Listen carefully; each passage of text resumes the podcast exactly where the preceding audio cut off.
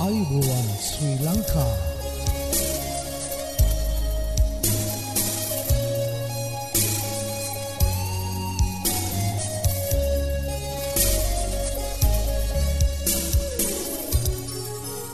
ඔබට සුපදවස මේ ඇඩවෙන්ටිස් වර්ල් රේඩියෝ බලාපොරොත්වය හඬයි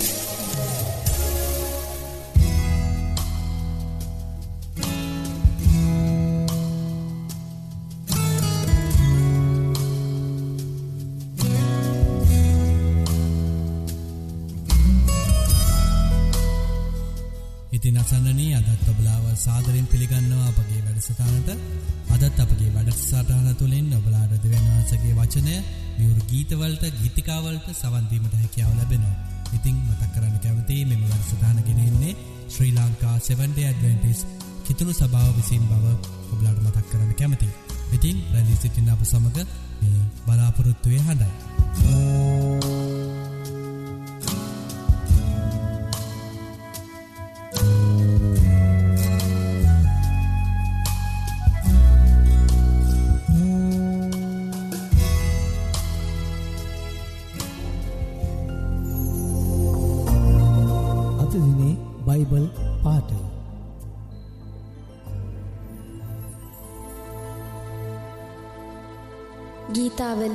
ගීතාවලිය අසූහය වන පරිච්චේදේ හතරේ සිට පහදක්වා.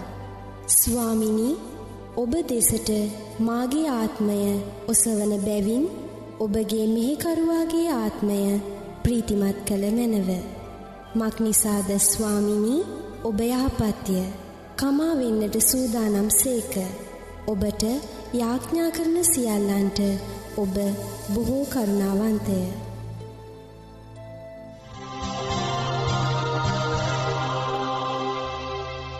ඔබ මේ රැදි සිටින්නේ Sri Lanka Adventist world radio බලාපොරොත්තුවය හඬ සමඟයි.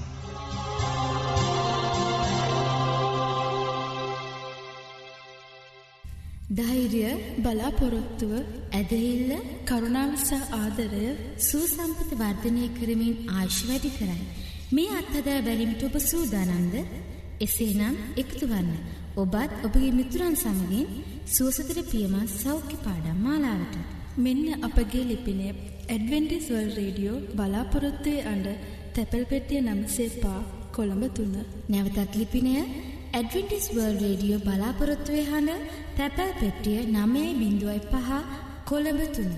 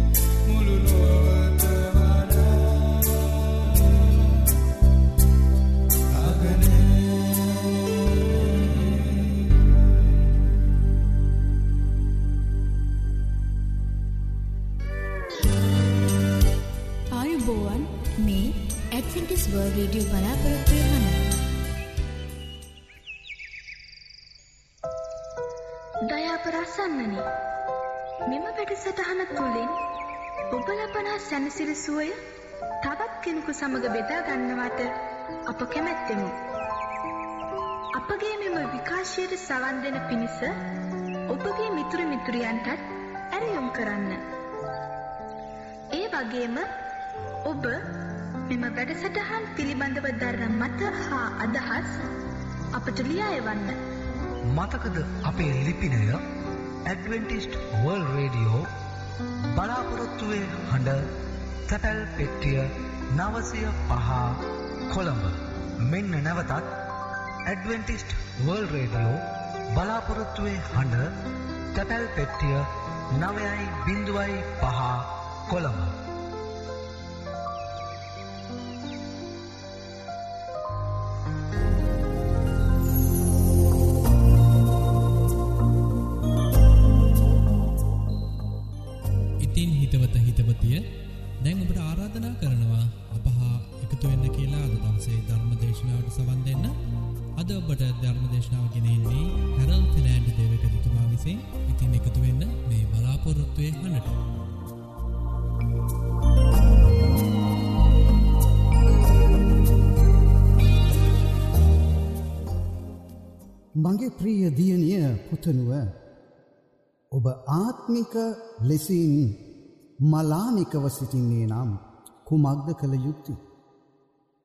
ඔබ ආත්මිකව මලානික වෙලා යන්නෙහි තේරුම කුමක්ද. ඔබ ඔබගේ ජීවිතය තුළ ආත්මික ලෙසින් හැසිරෙන්නෙත් නෑ ආත්මික නොවන ලෙසින් ජීවත් වන්නෙත් නැහැ. සීතලත් නැහැ උෂ්ණවත් නැහැ. අන්න ඒ වගේ.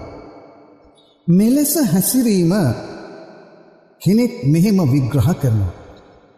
ධනවාදයටත් නැහැ කොමනිස්ටවාදයටත් නැහැ.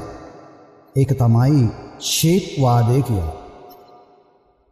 කොයි පැත්තටවත් මම එකඟයි. අධ්‍යාත්මිකත්වයටත් එකඟයි ආත්මික නොවන දේටත් එකඟයි. තමන්ගේ වාසි පැත්තටත් එකඟයි. මෙම භයානක වූ චර්ත ලක්ෂණයක් බවයි කොයි කාටත් හැඟෙන්නේ. ඔබ මේ දවසේදී ආත්මිකව මලානික ලෙසින් ජීවත් වෙනවා නම් ඔබට කුමක්ද හැඟෙන්නේ. එවැනි අයට ජේසුස් ක්‍රිස්තුස් වහන්සේ දේව වචනයෙන් මෙන්න මෙහෙම පවසනවා. එලිදරව්ව තුන්වෙනි පරිච්ඡේදයේ දෙවිනි පදය පහළොස්වනි පදය දාසයවෙනි පදය. එලිදරව්ව තුන්වෙනි පරිච්ඡේදයේ දෙවිනි පදය පාලොස්නි පදය දාසයවෙනි පදය. අවදිව සිට ඉතිරි වූ නැසීයාමට ලං වූ දේ ස්ථීර කරපන්න. මක්නිසාද මාගේ දෙවියන් වහන්සේ ඉදිරියේහි නුඹේ කිසි ක්‍රියාවක් සම්පූර්ණ බව මට සම්භවුණේ නැත. මම නුබේ ක්‍රියා දනිමි. නුඹ සීතලව හෝ උෂ්ණව හෝ නොසිටින බවද දනිමි. නුඹ සීතලව හෝ උෂ්ණව හෝ සිටිනවාට කැමැත්තෙමි. නුඹ උෂ්ණව හෝ සීතලව නොසිට. ඇල්මැරී සිටින බැවින්. මාගේ මුඛයෙන් නුඹ වමාරන්නෙමි. බලන්න කොච්චර භයානක දෙයක්ද කියන්නේ. අපි එක්කෝ සීතලව ඉන්න ඕන එකෝෂ්ණව ඉන්න. අපි එක්කෝ ආත්මික පැත්තෙන් ඉන්න ඕන එක්කෝ ලෞකිකව ඉන්න ඕන. අපි ආත්මික සිටියොත් ස්වාමින් වහන්සේ තුළ සිටිනවා අපි ලෞකිකව සිටියොත් එහෙම අපි මේ ලෞකික ලෝකයේ තුළ ජීවත් වෙමින් ජේසුස් වහන්සේගෙන් ඈත්ව සිටිනවා. අන්නේ විට උන්වහන්සේ කියනවා මේ දෙකටම නැත්තම් උන්වහන්සේ කියනවා නුඹ ඇල් මැරී සිටින බැවින් මාගේ මුඛයෙන් ඔබව වමා රන්නෙමු. කොච්චර භයානක දෙයක්ද? අනේ නිසා ජේසුස් වහන්සේ තුල ජූලිතමත් වන්න. එලිදරව්ව දෙකේ හතර මෙන්න මෙහෙම කියනවා. නමුත් නුඹේ පළමු ප්‍රේමය අත්හැරිය අත්හැරියෙය යන කාරණය නුඹට විරුද්ධව මට ඇත්තේය. බලන්න ජේසුස් වහන්සේ කියනවා අපට විරුද්ධව ඇති කාරණාව මොකක්ද? අප තුළ තිබුණා වූ ඒ පළමු ප්‍රේමය අපි අත්හැර. ඒ පළමු ප්‍රේමය තුළට අපි යළිත් වරක් හැරෙන්න්නට වුණ. අපි ක්‍රිස්තුස් ජේසුස් වහන්සේට ප්‍රේම කලා නොව ක්‍රිස්තුස් ජේසුස් වහන්සේ අපට ප්‍රේම කරෙල්. අදටත් උන්වහන්සේ අපට ප්‍රේම කරන්න ඒ ප්‍රේමය අත්හරින්නට එපා. ඒ වගේම හොසයා හයේ හතර මෙහෙම කියනවා. අහෝ ඒප්‍රයින් මම නුඹට කුමක් කරම්ද. අහෝ යුදා මම නුඹට කුමක් කරම්ද. නුඹලාගේ යහපත්කම උදයේ වලාකුලද ඉක්මනින් පහව යන පිණිද මෙන්ය මෙන්න මනුෂ්‍යයාගේ ධර්මිෂ්ඨකම සහ යහපත්කම. මනුෂ්‍යයාගේ යහපත්කමයි ධර්මිෂ්ඨකමයි හරියට උදේ වලාකුල වගේ ඉක්මනින් පහව යන පිණි වගේ කියන.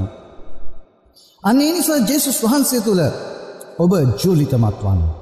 දුීතිය කතාව පොතේ හතරවෙනි පරිච්චේදේ නම්වෙනි පදය මෙහෙම කියනවා. නුඹේ ඇස්වලින් දුටු දේවල් නුඹට මතක නැති නොවන පිණිසත්. නුඹගේ ජීවිතයේ සියලු දවස්වල ඒවා නුබේ සිතෙන් පහන් නොවන පිණිසත් බලාගෙන නුබේ ආත්මය ප්‍රවේශමෙන් ආරක්ෂා කරගනින්න. ඒවා නුඹේ පුත්‍රයන්ටද නුඹේ පුත්‍රයන්ගේ පුත්‍රයන්ටද දන්වා පන්න කියලා. දුයිතිය කතාවටේ එකොළහිතන් දාහතර මෙහිමත් කියනවා. මා විසින් අද නුඹට අන කරන.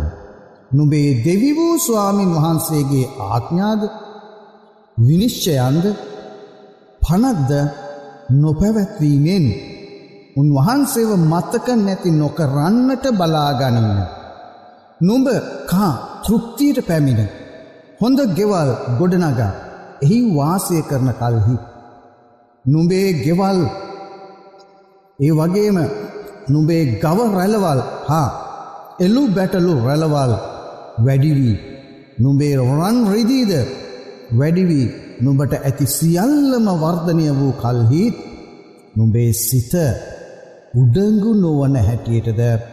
මිසර දේශය වන වහල්කමේ ගෙයින් නුඹ පිටතට ගෙනාවාවා වූ නුබේ මතු කාලයේදී නුඹට යහපත කිරීමට නුඹ යටහත් කර නුඹ සෝදිසි කරන පෙන්ස කියලා මෙතරිනි පෙන්නුම් කරනවා. දෙවියන් වහන්සේ අපව බොහෝ වෙලාවට සෝදිසි කරන අවස්ථාවල් තිබෙන. අපගේ ඇදහිල්ල අපගේ ප්‍රේමී කොයි ආකාරද කියන එකට. අනේ අවස්ථාවලදී විතරක් නොවෙයි සෑම මොහොතකදීම අපි නොසැලී අපි ක්‍රිස්තුස් වහන්සේ තුළ උණුසුමුව අපගේ ජීවිතය හසුරවනු. ගීතාවලිය හතලි සතරේ විස්සෙයින්දාන් විසියකට මෙහෙම කියනවා. අපේ දෙවියන් වහන්සේගේ නාමය සිහි නැති කළෙමු නම් අන් දෙවියෙකුට අත දිගු කළෙමු නම් දෙවියන් වහන්සේ එය නොසොයන සේක්ද මක්නිසාද උන්වහන්සේ සිතේ රහස් දන්නාසේක ඔබගේ සිතේ තිබෙන සියල්ලුම රහස් උන්වහන්සේ දන්නවා. ඔබ බොරුවට දෙවියන් වහන්සේ තුළ ඉන්නවයි කියලා අන් දෙවි කෙනෙ පස්ස යනවා නම් ඔබගේ සිත ස්වාමීන් වහන්සේ දන්නවා. ඔබ ස්වාමි වූ ජේසුස් ක්‍රිස්තුස් වහන්සේ වෙත හැරෙන්න. අන්සියල්ල මත්හරන්න අන් දෙවරුන් අත්හරන්න. ඔබ ජේසුස් ක්‍රිස්තුස් වහන්සේ වෙත හැරෙන්න. හෙබ්‍රේ පොතේ තුන්ගනි පරිච්චේදේ දොලා දහතුන මෙහෙම කියනවා. සහෝදරයනි ජීවමාන දෙවියන් වහන්සේ කරෙන් අහක්ව යන්නා වූ නොඇදහිලි කාර නපුරු සිතක් නුඹලා අතරෙන් කිසිවෙකු තුළ නොතිබෙන හැටියට බල්ලා ගනිල්ලා. නුඹලාගෙන් කිසිවෙක් පාපයේ රැවටිලිකාරකමෙන් දැඩි නොවන පිණිස අද යයි කියන තෙක් දවස් පතාම එකින් එකාට අවවාද කරපල්ලා. එවගේ මෙහිබ්‍ර පොතේ පස්සනි පරිච්චි දෙකොලාසා දොලා මෙහෙම කියන ඔබට. ඒ ගැන බොහෝ දේ කියන්ට අපට ඇත්ත. නොමුත් නොබලා ඇසීමට මැල්ලිව සිටින බැවින් ඒවා තේරුම් කර දෙන්නට අමාරුයි. මක් නිසාද කාලය ප්‍රකාරයට නුබලා ගුරුවරුන්ව සිටින්ට යුතුව තිබියදී. දෙවියන් වහන්සේගේ වාක්‍යවල මුල් ගුරුකම් නැවත යමෙකු විසින් නොබලාට උගන්වන්ට ඕ නෑවතිබේ. නුබලා දැඩි ආහාරනොව කිරි ඕනෑ කරන අයව සිටින්නේය. හෙබ්‍රව දොළහයි පහළුව මෙහෙම කියනවා. කිසිවෙක් දෙවියන් වහන්සේගේ කරුණාවෙන් පසුබට නොවන පිණිසද තිත්තකමේ මුලක් හටගෙන එයින් නුඹලා කළඹා බොහෝ දෙනෙක් කිලුටු නොවන පිණිසද කියන එක පෙන්නුම් කරනවා. අපි කිලුටු එන්නට හොඳ නැහැ. අපි ක්‍රිස්තුස් වහන්සේ තුළ ජීව මානව සිටිනවන. උන්වහන්සේ තුළ ජූලිතමත්ව සිටිනවනම් අපි කිල්ටු වන්නේ නැහැ. අනේ නිසා ඔබ ජේසුස් වහන්සේ තුළම ජීවිතය හසුරුවන්න. දෙක පේත්‍රස් පොතේ දෙකේ විස්ස විසි එක කියනවා මක් නිසාද. ස්වාමි වූ ගැලවුම් කාර වූ ජේසුස් ක්‍රිස්තුස් වහන්සේව දැන ගැනීමෙන්. ලෝකයේ කිලුටුකම්වලින් මිදුනායින් පසු. ඔවුන් නැවත ඒවාට පැටලවී වහල් වුණොත්. ඔවුන්ගේ පළමු ස්වභාවයට වඩා අන්තිම ස්වභාවය නපුරු වන්නේය මක් නිසාද ඔවුන් ධර්මිෂ්ඨකමේ මාර්ගය දැනගත්තායින් පසු ඔවුන්ට බහරදුන් ශුද්ධ වූ ආඥාවෙන් හැරී යනවාට වඩා ඒ මාර්ගය දැන නොගත්තා නම් ඔවුන්ට යහපත්තිය කියලා. ජෙරමිය හයේ දාසය මෙන්න මෙහෙම කියනවා. නුඹලා මාර්ගවල නැවතී සිට බලා හොඳ වූ මාර්ගය කොයි එකද කියා පූර්ණ මාවතක් ගැන ඒ වගේම පුරාණයේ තිබුණා වූ මාවතක් ගැන අසා ගෙන එහි ඵලයල්ල එවිට නුඹලාගේ ආත්මවලට සහනය ලැබේයයි ස්වාමින් වහන්සේ කියන සේක කියලා. නමුත් ඔවුහු අපි එහි නොයන්නෙමු යයි කිව්වෝය. මෙන මේ නිසාම එක යොහන් පොතේ එකේ නමේ කියනවා අපේ පාපවල් අපි කියා දෙමු නම් අපේ පව් අපට කමා කරන්නටත්. සියලු අධර්මිෂ්ඨකමින් අප පවිත්‍ර කරන්නටත් උන්වහන්සේ විශ්වාසවන්තව ධර්මිෂ්ඨව සිටින සේක. අපි පව් කළේ නැතැයි කියමුනම් අපි උන්වහන්සේරව බොරුකාරයක් කරනවා. උන්වහන්සේගේ වචනද අප තුළ නැහැයි කියනවා.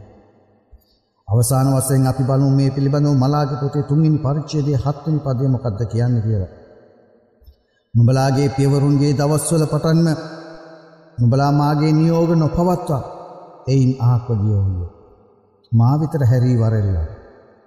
මමත් නුඹලා විතර හැරී එමි සේනාවල ස්වාමින් වහන්සේ කියන සේක. එහෙත් අපි කෙසේ හැරී එන්නෙ මුදයි නුඹලා අසන්න හුය. අපි ස්වාමින් වහන්සට භාරවීම. ආදරණීය ජෙසු සම්ධානනී අපගේ දුරුවලකම් එමටව තිබෙනවා. ඒ නිසා ඔබහන්සේගෙන් ඉල්ලා සිටිනවා අපගේ දුරුවලකම් වලින් අප මුදවාගෙන ඒ සඳහපට අවශ්‍ය කන ශුද්ධාත්ම බලය ලබාදීල පියාණන් වහන්සේගේ ඒ ප්‍රේමය තුළ ඔබ වහන්සේගේ කුරුසියේ ප්‍රේමය තුළ අපිව ආරක්ෂා කරගෙන අපි ඔබහන්සගේ දරුවන් ලෙස ජූලිතමත්ව ආත්මිකව මැරෙන්න්නෙත් නැතුව ආත්මිකව සීතල වන්නෙත් නැතුව ඇල් මැරෙන්න්නෙත් නැතුව ඔබහන්සේ තුළ ජූලිතමත් වෙන්නට උෂ්ණව සිටින්නට අපට ශුද්ධාත්ම වරම් ලබාතුන මැන. මේ අසා සිටියාව සෑම කරක්වන. ඔබහන්සේ ජූලිතමත් කළ මැන. ජෙසුස් ක්‍රිස්තුස් වහන්සේගේ නාම නිල්ලා සිටින ආමේ. ආයුබෝවන් මේ ඇඩ්වෙන්ටිස් වර්ල් රේඩියෝ බලාපොරොත්තුවය හන. සත්‍යය ඔබ නිදස් කරන්නේ යසාය අටේ තිස්ස එක. මේ සත්‍ය සොයමින් ඔබ අද සිසිින්නේද එසේනම් ඔබට අපගේ සේවීම් පිදින නොමලි බයිබල් පාඩම් මාලාවට අදම ඇතුල්වන්න. මෙන්න අපගේ ලිපිනය ඇඩවෙන්ටිස්වල් රේඩියෝ බලාපොරොත්තුවේ හඬ තැපැල් පෙටිය නමසේපා කොළඹ තුන්න.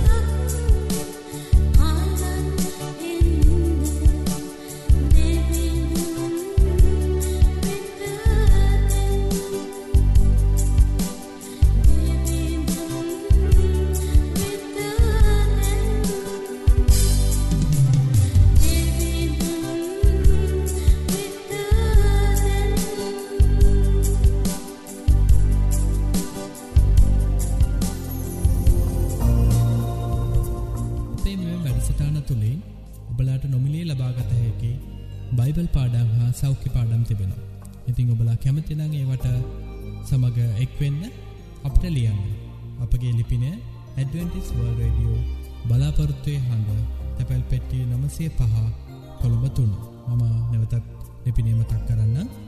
ඇඩවෙන්ටිස් වර්ල් රඩියෝ බලාපොරත්තුවය හඬ තැපැල් පෙට්ටිය නමසේ පහ කොළඹ තුන්න ඒවගේ මබලාට ඉත්තාමත් ස්තුතිවන්ත වෙනවා අපගේ මෙම වැඩිසිරන්න දක්කන්නව ප්‍රතිචාර ගැන අපට ලියන්න අපගේ මේ වැඩසටාන් සාර්ථය කර ගැනීමට බලාගේ අදහස් හා යෝජනාවට අවශ්‍ය. අදත් අපගේ වැඩසටානය නිමාව කරාලඟාව තිබෙනවා. ඉතිං පුරා අඩෝරාව කාලයක් අපි සමඟ රැඳී සිටිය ඔබට සෝතිවන්ත වෙන අතර හෙටදිනෙත් සුපුරෝධ පරිති සුපුරෘධ වෙලාවට හමුවීමට බලාපොරොත්තුවයෙන් සමුගන්නන්න ප්‍රස්ත්‍රියකනායක ඔබට දෙවියන් වහන්සේකි ආශිර්වාදය කරනාව හිමියේවා.